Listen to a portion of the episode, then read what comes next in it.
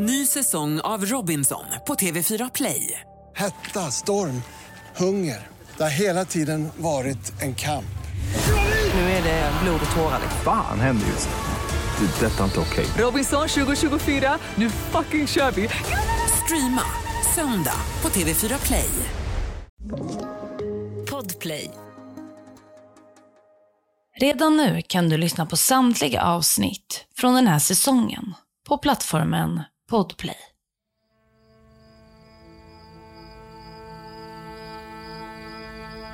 Tredje augusti 2010, Australien, Sydney.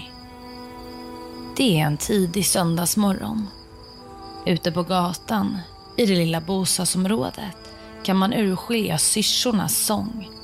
Men deras toner ska snart komma att överröstas av uppjagade journalister. En liten flicka är spårlöst försvunnen. Journalisternas kameror riktas nu mot den 27 år gamla kvinnan som står iklädd ett par solglasögon. Kvinnan bryter ihop och den unga mannen som står intill henne gör sig redo för att börja prata. Om det är någon där ute som vet något eller har sett något, ge dig till känna eller kontakta polisen. Det skulle verkligen hjälpa oss, säger han. När det var senaste gången du såg henne vid liv? Frågar en man från gruppen av journalister.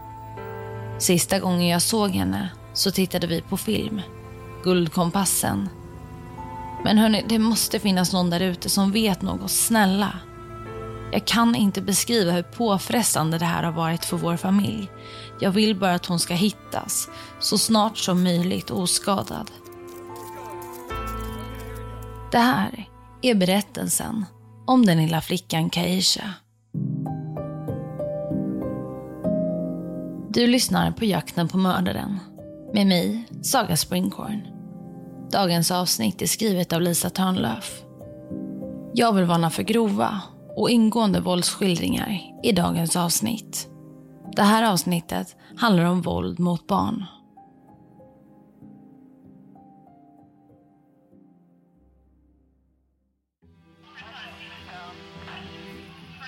Den 1 augusti år 2010 får larmcentralen i Sydney in ett oroväckande samtal. Hi, I'm, I've, I've just gotten up and I went to the toilet and realized that my front door was open and my daughter's not here. You just get the police on their way out there, okay? How old is your daughter? She's six. She's six? And Okay, what's your name? Christy, I'm her mum. Okay, Christy, what's your last name? Abraham. What's your daughter's name? Quaisha. En kvinna vid namn Chrissy Abrahams ringer in för att anmäla sin sex år gamla dotter försvunnen. Christy är uppenbart stressad och gråter under hela samtalet. Hon förklarar för operatören att när hon vaknat på morgonen och kikat in i sin dotter Kaishas rum så var hon borta. No, I put her to bed tonight, 30 quarter 10. And do you have any other family that live in the unit block? No, Any no, neighbours that she would talk to? no, no. I've just let the police know. We've got police. We've got everybody on their way out to see you, okay? Hennes dotter låg alltså inte kvar i sin säng. Trots att mamma Christy nattat henne kvällen innan, runt klockan halv tio. Polisen tog försvinnandet på största allvar och inledde en sökinsats med polisinspektör Russell Oxford i ledningen. Signalementet de fått från Christie var att Keisha var en ganska lång flicka för sin ålder och att hon hade långt blont hår och var blåögd. Vid tiden för försvinnandet hade hon med största sannolikhet på sig en rosa pyjamas med en lila jacka ovanpå. En sökinsats drar igång och här är det något som sticker ut. Keishas mamma, Christy, och hennes styvpappa Robert är nämligen inte aktiva i sökandet. Christy hade ett inbokat frisörbesök den här dagen då polisen drog igång med sökinsatsen. Hon valde att inte avboka tiden. Och Robert påstod sig vara upptagen med annat. Till en början hade polisen inga misstankar om vem som legat bakom Keishas försvinnande. Man tänkte sig att hon var bortrövad av någon okänd att någon hade tagit henne under natten. Medan sökinsatsen och den kriminaltekniska utredningen fortgick tog polisen in mamma Christie och styvpappa Robert till förhör. Så snart förhöret dragits igång var paret oerhört snabba med att poängtera att Keisha kommer från en mycket lycklig och sammanhållen familj. När polisen började fråga dem om kvällen då Keisha försvann förklarar de att hela familjen, bestående av Keisha, 6 år, och hennes två yngre syskon hade sett på filmen Guldkompassen innan de gått till sängs. Morgonen därpå var hon spårlöst försvunnen. Parets första tanke var att Keisha måste ha smitit ut ur huset. Hon hade nämligen en tendens att försvinna iväg stundvis för att klappa katterna i området. Robert, styvpappan, hade begett sig ut på gatorna för att leta efter den lilla flickan. Men det var till ingen nytta och det var efter det de valde att kontakta polisen. Under tiden som utredarna förhör Christie och Robert för att kartlägga Keishas försvinnande pågick en kriminalteknisk utredning i hemmet. Och vid första anblick konstaterade kriminaltekniker att något inte stod rätt till.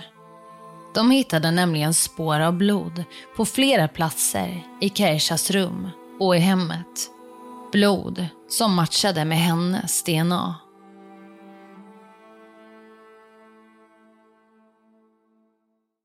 Ja, hörni, som ni precis fått höra så verkar det som att polisen har hittat en del bevis som bestrider vittnesmålet Christie och Robert lämnat. Det finns nämligen inga tecken på att någon tagit sig in i hemmet. Allt ser städat och fint ut i Keishas rum och hennes säng ser ut att vara bäddad som att ingen sovit där under natten. Men det mest oroväckande är ändå blodet som polisen kan identifiera som Keishas blod.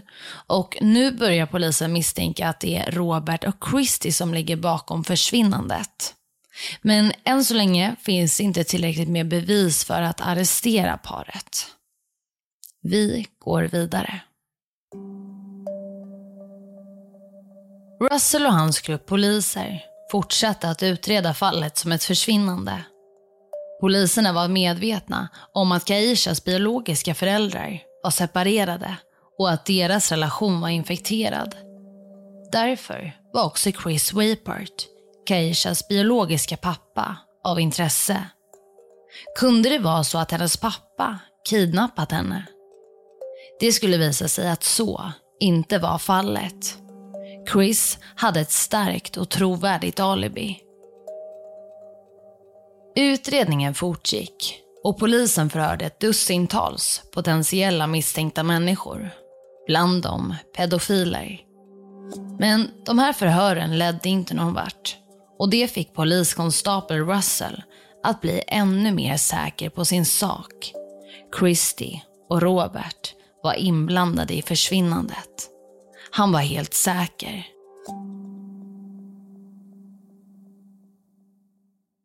Ny säsong av Robinson på TV4 Play. Hetta, storm, hunger. Det har hela tiden varit en kamp. Nu är det blod och tårar. Fan händer just nu. Det. Detta är inte okej. Robinson 2024, nu fucking kör vi! Streama söndag på TV4 Play. Ett poddtips från Podplay. I fallen jag aldrig glömmer djupdyker Hasse Aro i arbetet bakom några av Sveriges mest uppseendeväckande brottsutredningar. Går vi in med hemlig telefonavlyssning och, och då upplever vi att vi får en total förändring av hans beteende. Vad är det som händer nu? Vem är det som läcker? Och så säger han att jag är kriminell, jag har varit kriminell i hela mitt liv men att mörda ett barn, där går min gräns. Nya säsongen av Fallen jag aldrig glömmer på Podplay. I fortsatta förhör med Christie och Robert började deras vittnesmål bli allt mer osammanhängande. Vittnesmål kom också från närstående och omgivningen som berättade att ingen sett till Keisha sedan den 7 juli. Alltså ungefär en månad innan hon anmäldes som försvunnen. Och man kan ju fråga sig då om Kaisha syns till i skolan. Men svaret på den frågan är nej. För Kaisha gick knappt till skolan. Hon hade endast dykt upp i skolan fyra gånger på två terminer. Och de gånger hon faktiskt gått till skolan hade lärare lagt märke till att hon hade en hel del blåmärken på kroppen. Skolan hade försökt få Keisha att närvara mer, men hennes mamma Christy var helt ovillig till att samarbeta. Keisha hade varit nästintill isolerad från omvärlden. Keishas biologiska föräldrar, Chris och Christy, separerade sedan lång tid tillbaka. Och sen den där separationen hade Keisha bott tillsammans med sin mamma. Keisha hade tidigt i livet fått uppleva våld i hemmet. Vid ett års ålder blev hon biten i axeln av sin mamma Christy.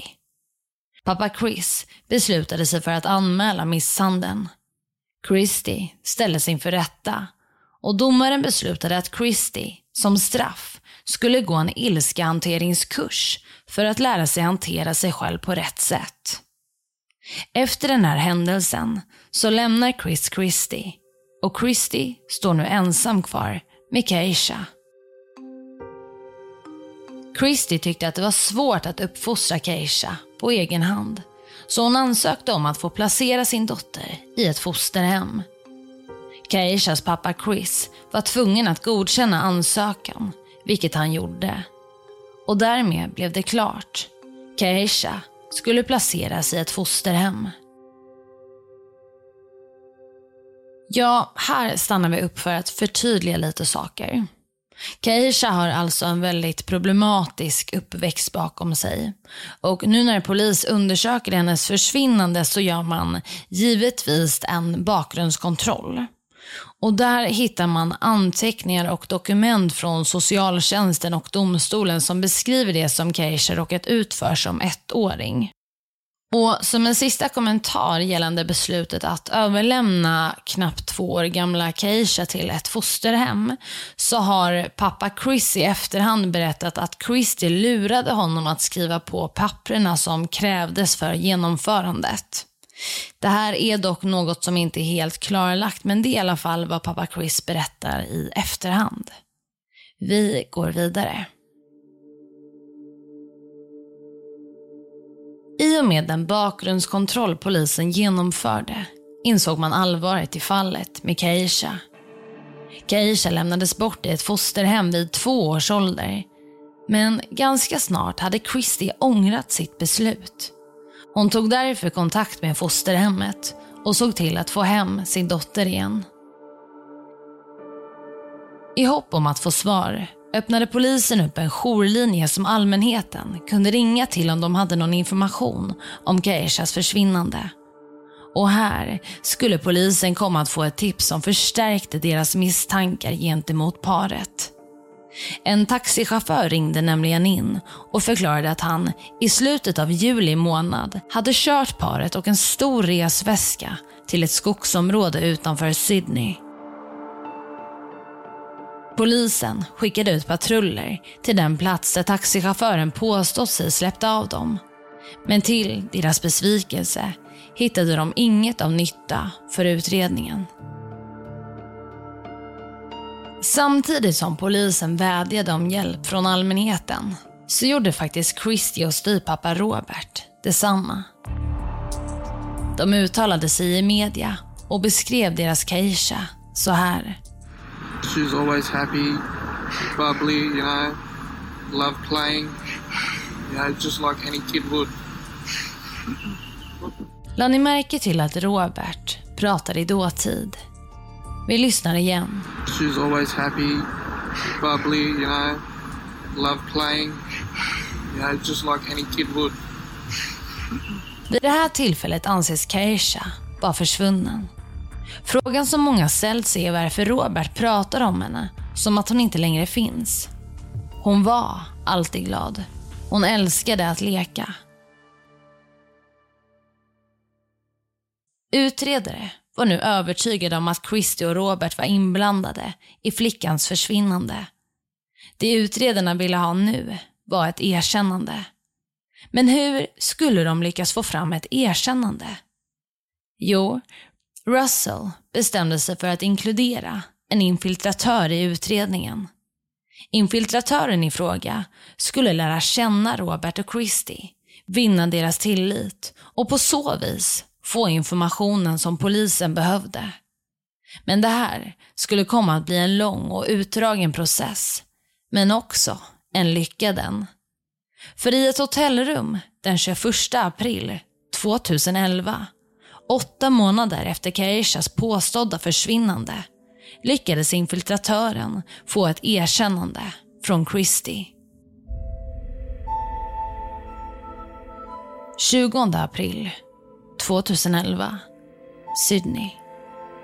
I ett rymligt hotellrum sitter en brunhårig kvinna i en fåtölj. Mitt emot henne i sängen sitter en man som har kommit att bli en av kvinnans närmsta vänner. Med honom känner hon sig trygg och ikväll ska bli stunden då han ska få ta del av hennes absolut mörkaste hemlighet. Men det kvinnan är ovetandes om är att mannen framför henne inte är en vän, utan han är infiltratör. Anställd för att sätta dit henne en gång för alla. Väl skymd mellan ett par böcker står det en kamera som kommer att spela in varenda ord som yttras i rummet. Och så plötsligt händer det.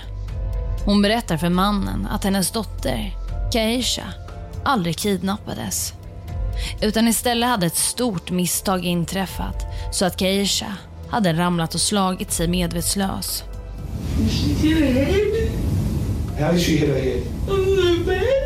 Mannen som försöker behålla sitt lugn börjar sakta men säkert att ställa följdfrågor. It's like the, the base of the bed, like there's a bit of timber, and she what? She's hit her head on that. That's it.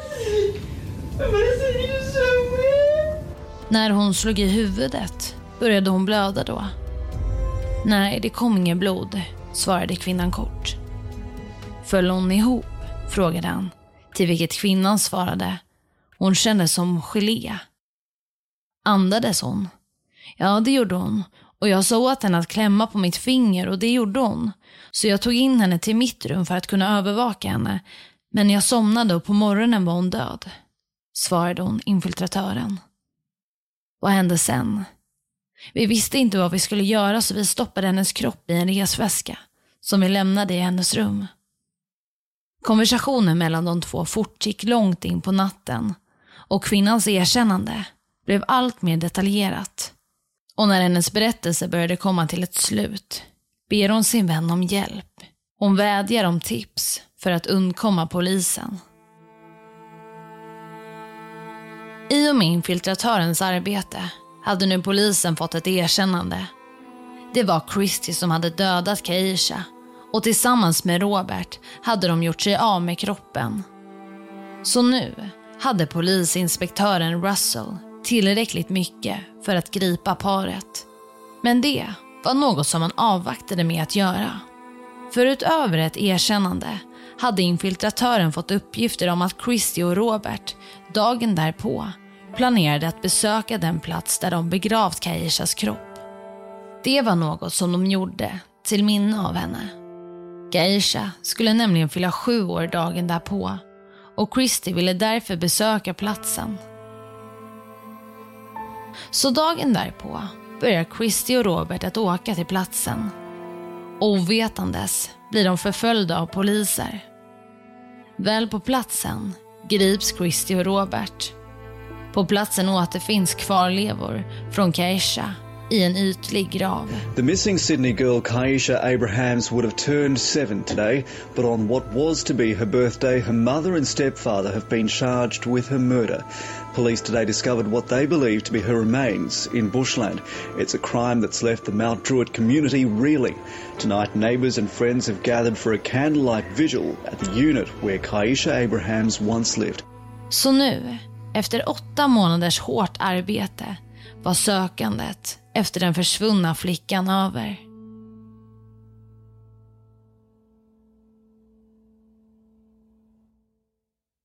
Mm, vid den här tidpunkten har det alltså gått hela åtta månader sedan dagen då Keisha anmäldes som försvunnen. I erkännandet framkom det att Keisha faktiskt dött den 18 juli. Och det betyder att Christie väntade två veckor innan hon kontaktade polisen. Christy och Robert hade alltså försökt få det att se ut som att Keisha blivit kidnappad och lyckats lura både allmänheten och media. Men så var alltså inte fallet. Ett poddtips från Podplay. I fallen jag aldrig glömmer djupdyker Hasse Aro i arbetet bakom några av Sveriges mest uppseendeväckande brottsutredningar. Går vi in med hemlig telefonavlyssning och, och då upplever vi att vi får en total förändring av hans beteende. Vad är det som händer nu? Vem är det som läcker? Och så säger han att jag är kriminell, jag har varit kriminell i hela mitt liv men att mörda ett barn, där går min gräns. Nya säsongen av Fallen jag aldrig glömmer på Podplay.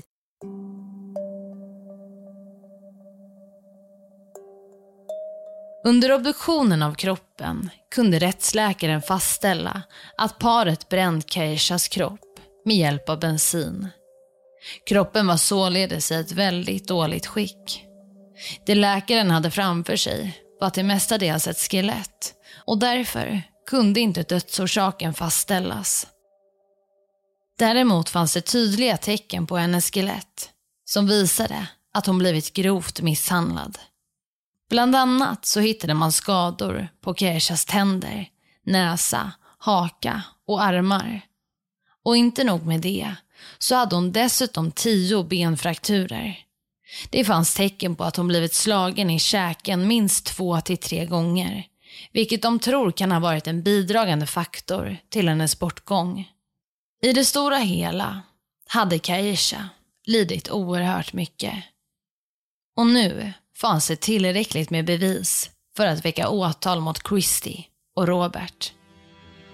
I september år 2012 drog rättegångsprocesserna igång och vid den här tidpunkten hade Christie erkänt sig skyldig till dråp.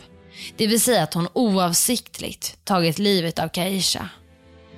Men det här var ett erkännande som åklagarsidan vägrade att acceptera. Enligt åklagarsidan hade Christie gjort sig skyldig till mord och brott mot griftefriden då hon bränt upp och medvetet gömt undan Keishas kropp. Robert anklagades för dråp och brott mot griftefriden. I vittnesmålet som Christie avgett i hotellrummet framkom det att Robert befunnit sig i ett annat rum då Keisha bragts om livet.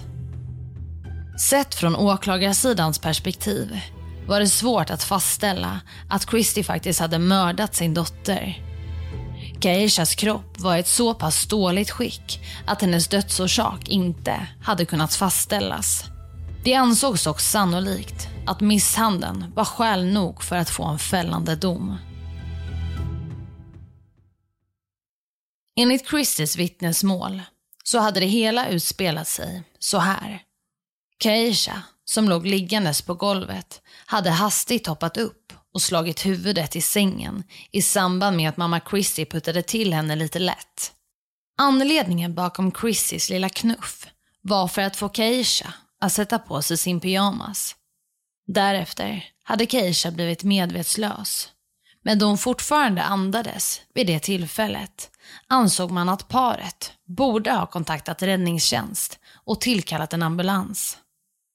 Istället för att kontakta räddningstjänst försökte paret få tillbaka Keisha genom att stoppa in henne i duschen och spola kallt vatten över henne. När det inte fungerade bestämde de sig för att vänta ut tiden och hoppades på att den lilla flickan skulle vakna igen. Christy berättade att under nattens gång hade Keisha låtit konstigt och på morgonen därpå hade hon varit avliden. När paret insåg att Keisha var död fick de panik. De bestämde sig för att förvara hennes kropp i en resväska tills det att de hade en plan. Robert hade sedan begett sig ut för att hitta en lämplig plats att begrava henne på. Därefter hade de ringt en taxi under ett alias, tagit med sig väskan med Keishas kropp och åkt ut till ett skogsområde utanför Sydney. Väl på plats bland buskar och träd hade de bränt upp kroppen och därefter begravt den. Åklagarsidan avfärdade Christies vittnesmål genom att påvisa de färska frakturerna på Keishas käke. Enligt experter hade Keisha fått ungefär tre smällar mot käken och mot tänderna och dessa skulle sammantaget ha bidragit till flickans bortgång. Utöver obduceringsrapporten fanns det även ett flertal vittnen som berättade om Christies utövade våld och förakt gentemot sin dotter. En närstående till familjen vittnade om att bara några dagar innan mordet på Keisha så hade Christy berättat för familjemedlemmen att hon var så otroligt trött på sin dotter och att hon snart skulle skada eller döda henne. Rättegångsprocesserna skulle komma att bli långdragna och den slutgiltiga domen skulle inte fastställas förrän hela två år senare, den 18 juli 2013. Christie dömdes till max 21 år och ett halvt års fängelse för mordet och ytterligare 18 månader för brott mot griftefriden. I domen framkommer det att Christie skulle få chans till villkorlig frigivning efter 16 års tid i fängelse. Domaren beslutade att ge Christie ett aningen mildare straff. Detta grundade sig i ett hänsynstagande till Christies egna barndom. Likt sin nu döda dotter hade Christie en problematisk uppväxt. Inte nog med att hon var intellektuellt nedsatt så var hennes pappa extremt våldsam.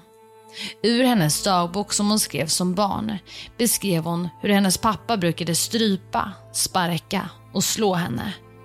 När Christy var tio år hittade hon sin egen mamma liggandes död i deras hem.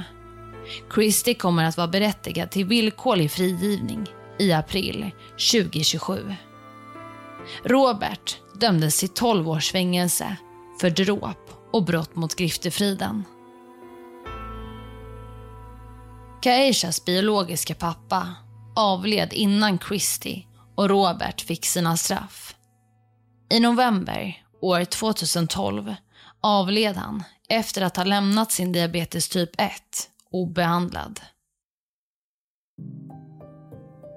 Och det här var allt för dagens avsnitt. Och glöm inte att om du ser ett barn som du misstänker far illa så kan du vara nyckeln till deras räddning. Tack för att du har lyssnat på dagens avsnitt.